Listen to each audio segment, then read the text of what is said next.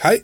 Du kan se fram til et uh, godt spørsmål i Smartprat. En flott, lang amerikansk TV-serie i uh, Mediatipset. Og så skal vi til Afrika i Reisetipset. Du hører Vendepunktet.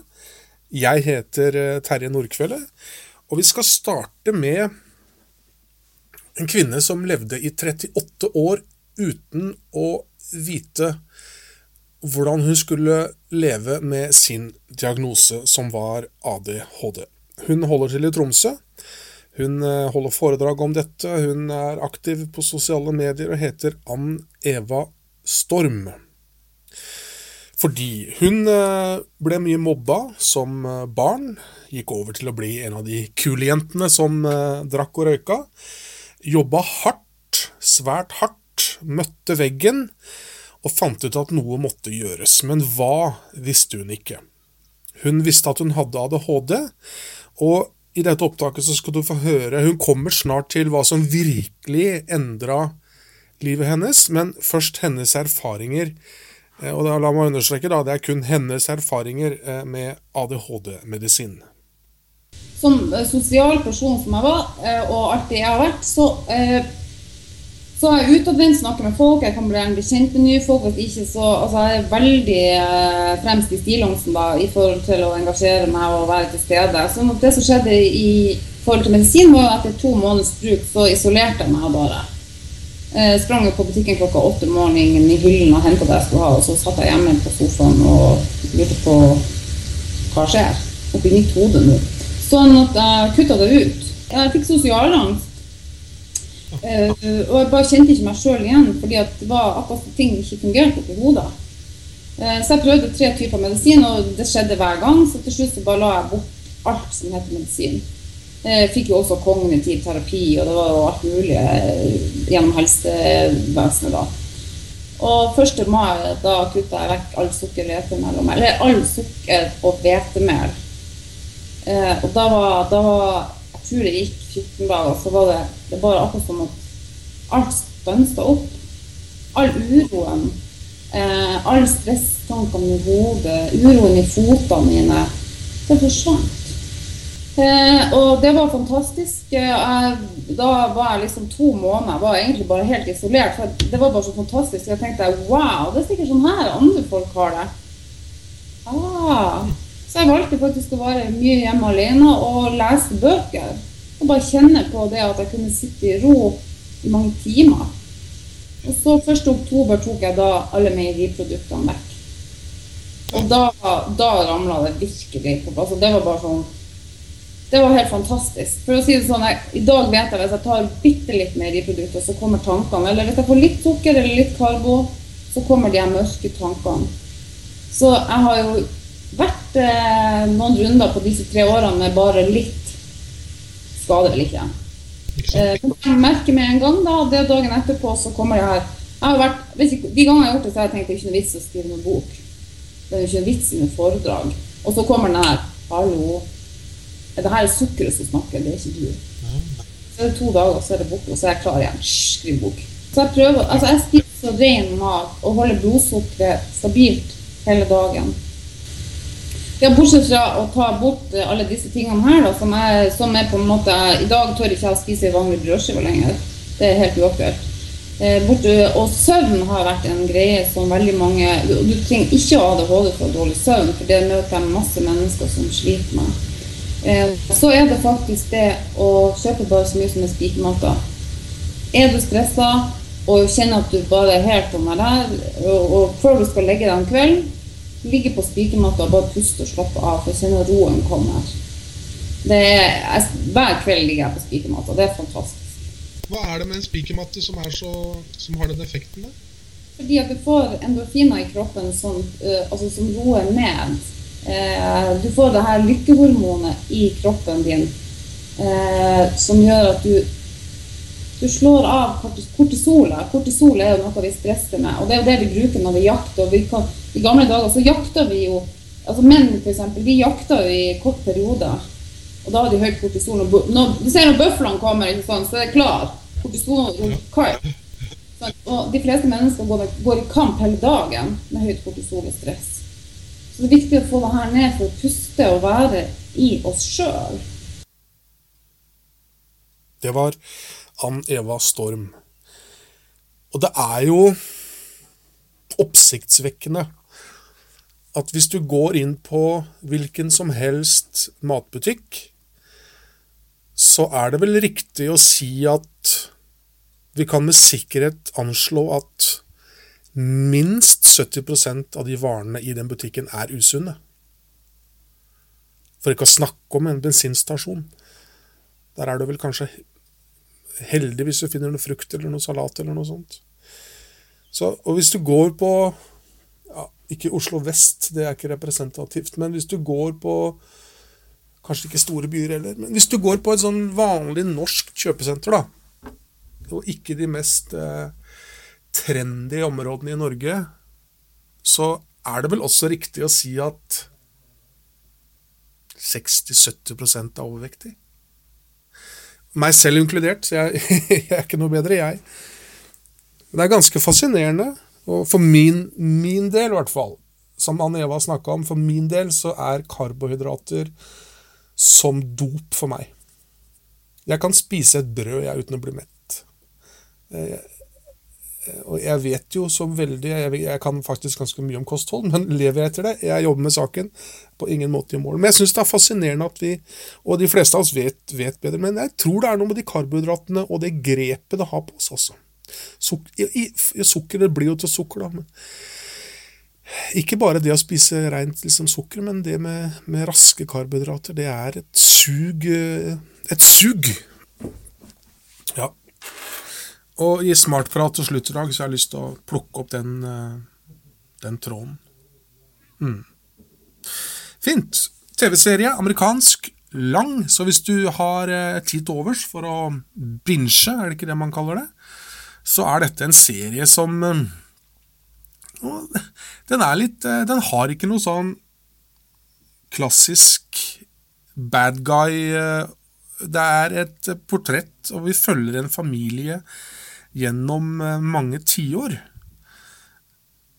Og den, den, er, den, er, spennende, og den drar deg framover, selv om ikke den har den derre typiske klimaks, og de skal nedkjempe en eller annen en eller annen figur. Eh, men det handler mer om eh, kan du si, et liv og, opp- og nedturer i livet. da.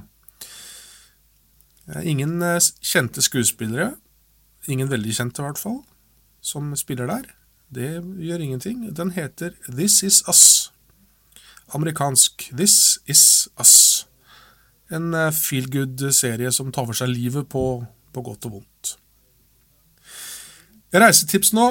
Shirdal fra erdemulig.no, reiseguru og reiser mye, skal i dag eh, snakke om en noe kaotisk eh, opplevelse mellom eh, Afrika og Spania. Nå er det et par år siden jeg var der, men jeg var i Marokko en ukes tid. Tok toget fra Marrakech opp til Tanger og skulle da ta ferja over til Spania. Og det er jo helt utrolig. Fordi det er en halvtimes ferjetur over til Tarifa. Den kjappeste turen tar en halv time. Og det er bokstavelig talt å komme til en helt annen verden. Det er, eh, det er nesten brutalt møte. Det er enda mer brutalt andre veien sikkert, når du kommer fra Europa og kommer til det kaoset som er Tanger. Det er jo det er kjent for et kaosland. Hvordan kom du dit, da? Du fløy? Eller? Jeg fløy til Marrakech. Ja, sånn, ja. Og det var jo på en måte litt mer orden, da. Så jeg fikk ikke det kaoset midt i trynet. Jeg vet at uh, folk som tar ferje over til Tanger, blir nesten skremt. Fordi når du kommer til Tanger, så blir du møtt med sånn hundrevis, kanskje tusenvis av folk som prøver å selge deg noe. Ja. Uh, og alle roper høyt.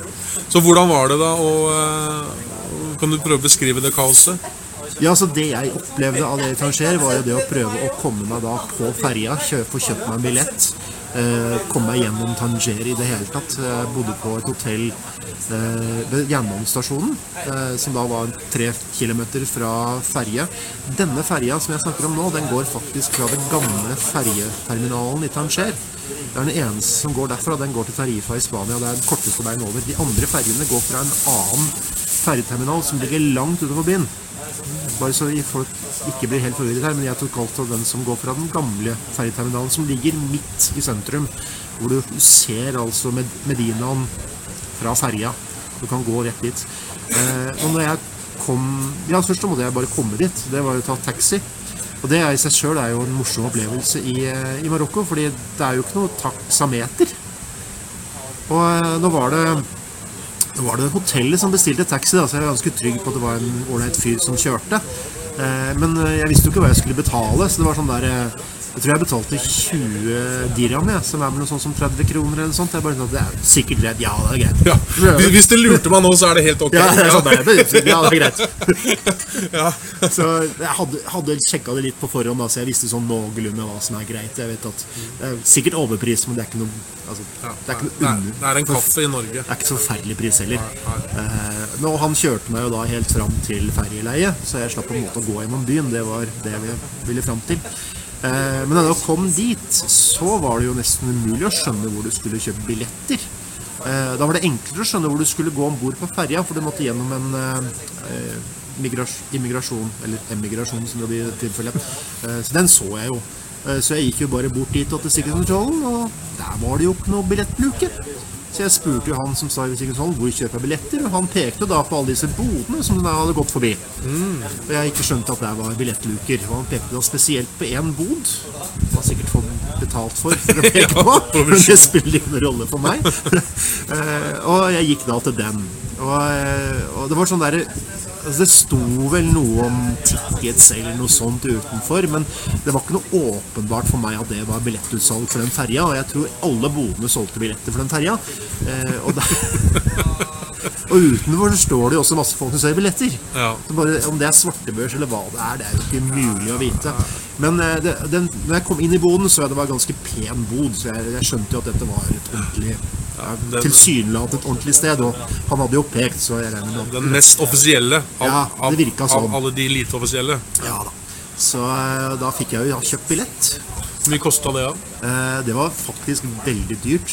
Eh, jeg tror det var 350 norske kroner eh, for en halvtimes ferjetur. Og du kan tenke deg da lønnsnivået i Tanger. Det, altså, det, det sier seg sjøl at de har ikke råd til å ta den ferja. Kanskje noen gang. Eh, bare en halv times likevel.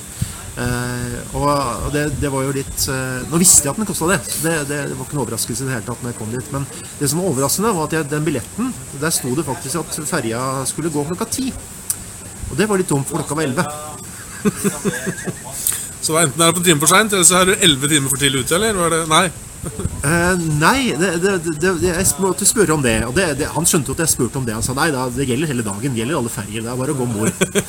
Jeg var litt usikker på om nå ble lurt eller ikke. ikke sant? Men uh, akkurat den delen gikk greit, da. Og, eh, og så ba jo fyren om passet mitt, da. Jeg tenkte at han skulle ha det til billetten, men det skulle han ikke. For han begynte å fylle ut dette emigrasjonsskjemaet. Og det kunne jeg selvfølgelig fylt ut sjøl. Men jeg, men jeg var liksom ikke oppmerksom på det, for da, det var jo sånn måte han tjente litt ekstra penger på. ikke sant? Så jeg måtte gi han litt ekstra penger for det, noe jeg egentlig kunne gjort sjøl. Ja, ja, ja. Irriterende. Jeg ga han eh, ti kroner, altså. Det er ikke det, men eh, Det morsomme var det at han ga meg det. Nå trengte han litt kaffe, sånn. han. Han, trengte en kaffepause. Ja, nå trengte, nei, nå, nå trengte han litt penger til kaffe. Oh, ja. Bare jeg skal ikke ha noe kaffe, og liksom Men vi ble enige, da. Jeg skjønte jo, skjønte jo greia etter hvert. Det var ikke noe problem sånn sett. Men det er bare sånn en del av kaoset, ikke sant. Ja. Uh, ja, så fikk jeg jo billetten. Og gikk da bort til sikkerhetskontrollen. Og det var jo for så vidt en merkelig affære, for der gikk jo folk, til, gikk folk forbi og sånn. Så jeg skjønte ikke helt hva som skjedde der. Men uh, Nei, jeg gikk ikke forbi sikkerhetskontrollen, der måtte alle gjennom. Men så kom du videre på andre sida, var det passkontroll. Eller ikke passkontroll som så det, det var der de stempler passet på vei ut. Ut, ut av landet, liksom? Ja. Mm. Og der var det så rart, for det var masse folk som gikk fram og tilbake. som bare Ok, du er så vant til at grensa er rimelig brutal. Ja. Det er sånn, Du kommer ikke over der, liksom, når du er i passkontrollen i Storbritannia, f.eks. Men uh, det gjorde det der, da. Og jeg skjønte liksom ikke Er dette grensa, eller hva er det for noe, egentlig? Så det viste seg at det var jo ikke grensa. Uh, det fant jeg ut seinere. Uh, men når jeg da kom forbi den, hadde da fått riktig stempel i passet, håpet jeg på, eh, og kom inn i ferjeterminalen, så var det jo ikke et eneste skilt. Ikke et eneste oppslag om når ferja gikk, og hvor den gikk fra, hvor du skal gå hen. og Det bare satt jo en masse mennesker der, da. Bare Ja, her satt det masse folk, ja. Skal vi bare sitte her, eller hva gjør vi? Og du følger flokken? Ja. Ja, nei, ja, så bare ser jeg jo da Altså, du ser jo fergen, da. De er ganske store, så du ser jo de. Så jeg tenkte ja, der der er det jo en ferge, og det var et par stykker som gikk dit, så jeg gikk dit, da. Og det var jo ganske lurt, for den ferja gikk jo ti minutter etterpå. Ingen beskjeder i høyttaler, ikke noe eh, noe lysende Nei, ingenting. skjermer. Ingenting. Ingenting. ingenting. Sånn der, Ser du en ferge, så gå for den. Og da fant jeg ut, også ut dette med denne, denne passkontrollen. da. Fordi det viste seg at uh, grensekontrollen det var da en eh, sivil politimann som sto ved siden av billettkonduktøren, som heldigvis hadde uniform. Ok. Så han sto altså på inngangen til båten. Da sjekket han om, han hadde, om jeg hadde det stempelet i passet. Det var på en måte grensekontrollen. Der kommer du ikke forbi hvis du ikke skal Nei. ut av landet. Okay. Ja. Så kom jeg, gikk om bord på båten, og så rakk jeg akkurat opp og kjøpte meg en kaffe. Og så tok båten og sa ha det til Marokko. Halvtime senere var vi i Spania. En, en litt annen verden. Veldig annet. Jeg trodde jeg, Du har hørt så mye om da grensa mellom Afrika og Europa. ikke sant? Og mange prøver å komme seg over. Og, så jeg trodde at det skulle være lang kø på Spania-siden. Jeg har ikke noe problem med det hele tatt. Der var det så ro og orden og passkontroll. Gikk unna en fei. Og så var vi i Spania. og det var som å komme til verdens mest rolige og behagelige land. Spania er ganske Hva er ordet jeg leter etter? Det er, System. Det er my mye system. Er, eh, vi snakka litt før vi starta i forhold til Italia. I hvert fall i sør, hvor det er mye mer kaos. eh, Ja, Det er litt sånn å komme fra Italia til Spania, Også komme til et land med ro og orden og Ja, system. det er det. ja, det er Selv om når du kommer fra Norge, så får du litt inntrykk av at alt er litt sånn Ja. eh, manjana og ingenting som eh, ordner, men det, det er faktisk det i Spania. Du Ja, er merker forskjellen når du kommer andre veien Ja. fra et land som Marokko, hvor eh, Altså Marokko igjen er jo et ganske land, bra land, utvikla land i i, Afrika. I Afrika, ja. Eh, Så det er ikke noe sånn stort sjokk, men det er, liksom, det er som å komme til en annen verden å komme til Spania når du kommer den veien der. Hvordan var Tanger som by? Er det, er det lest litt som at det er eh, kanskje i gamle dager det at det er litt sånn mye, mye kunstnere litt sånn, er litt sånn hip, eller litt sånn Er det dens Jeg skal ikke påstå at jeg var så lenge i Changer at jeg fikk noe veldig inntrykk av det, men jeg har jo lest litt om det og sett det da fra, fra den lille turen jeg hadde. Eh, men det man må tenke på, at det har skjedd veldig mye i den delen av verden. Altså Dette var jo et spansk område en stund, og så var det en fri by, internasjonal by en stund, eh, før det da ble Marokko. Eh, så det er bl.a. en del av Marokko hvor de snakker spansk, alle ting. Eh, også, og fransk og arabisk. Eh, men eh, det byen er på en måte kjent for, er jo denne smeltedigelen av internasjonale folk. Eh, det er jo en by med mange millioner mennesker. Og du går jo da i Medinaen, gamlebyen, som er liksom trange gater og du, du finner jo ikke fram. Du går deg vill. La- labyrint, Når alle prøver å selge deg noe. Du, du møter den der rimelig fort. Og Tanger er kjent for å være den røffeste av byene. Passer deg for eh, lommetyver og sånn, eller? eh? Det bør du nok også gjøre. Ja.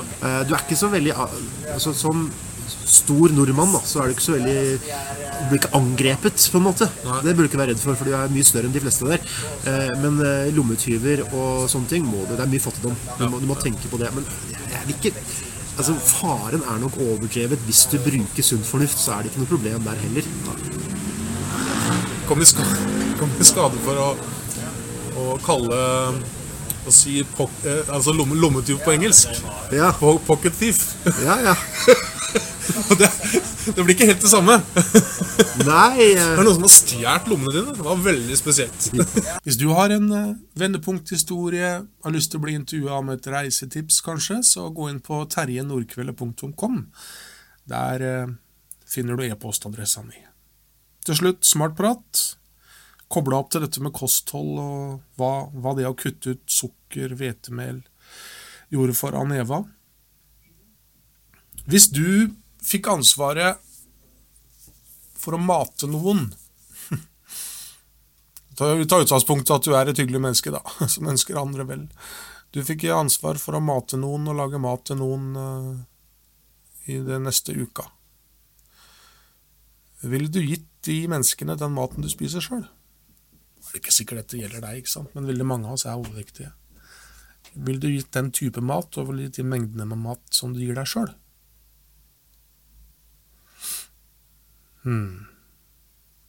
Takk for følget.